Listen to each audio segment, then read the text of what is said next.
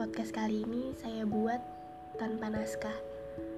Saya juga nggak tahu harus ngomong apa. Hmm, kemarin saya ketemu sama teman-teman lama saya. Teman-teman dari SMK saya. Teman-teman yang pernah seperjuangan dengan saya. Tapi sekarang kita masih tetap berjuang, tapi dengan porsi kita masing-masing.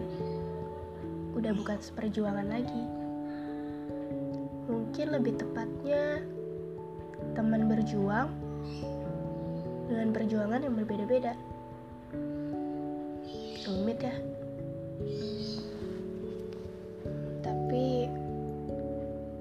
Senang kemarin bisa bertemu lagi dengan teman-teman lama saya.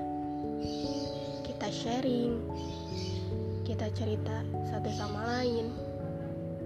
Bahkan saya selalu pertegas untuk tidak mengeluarkan ponsel.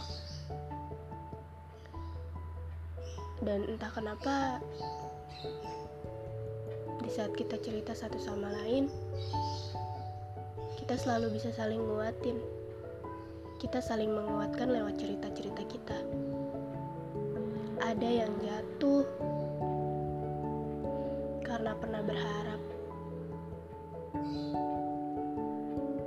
Ada yang biasa saja, tapi dipertemukan dengan seseorang yang luar biasa. Ada yang tidak pernah berpikir tentang hal cinta, akhirnya diperkenalkan juga dengan cinta. Kadang cinta emang lucu, tapi lucunya itu karena macam-macam warnanya.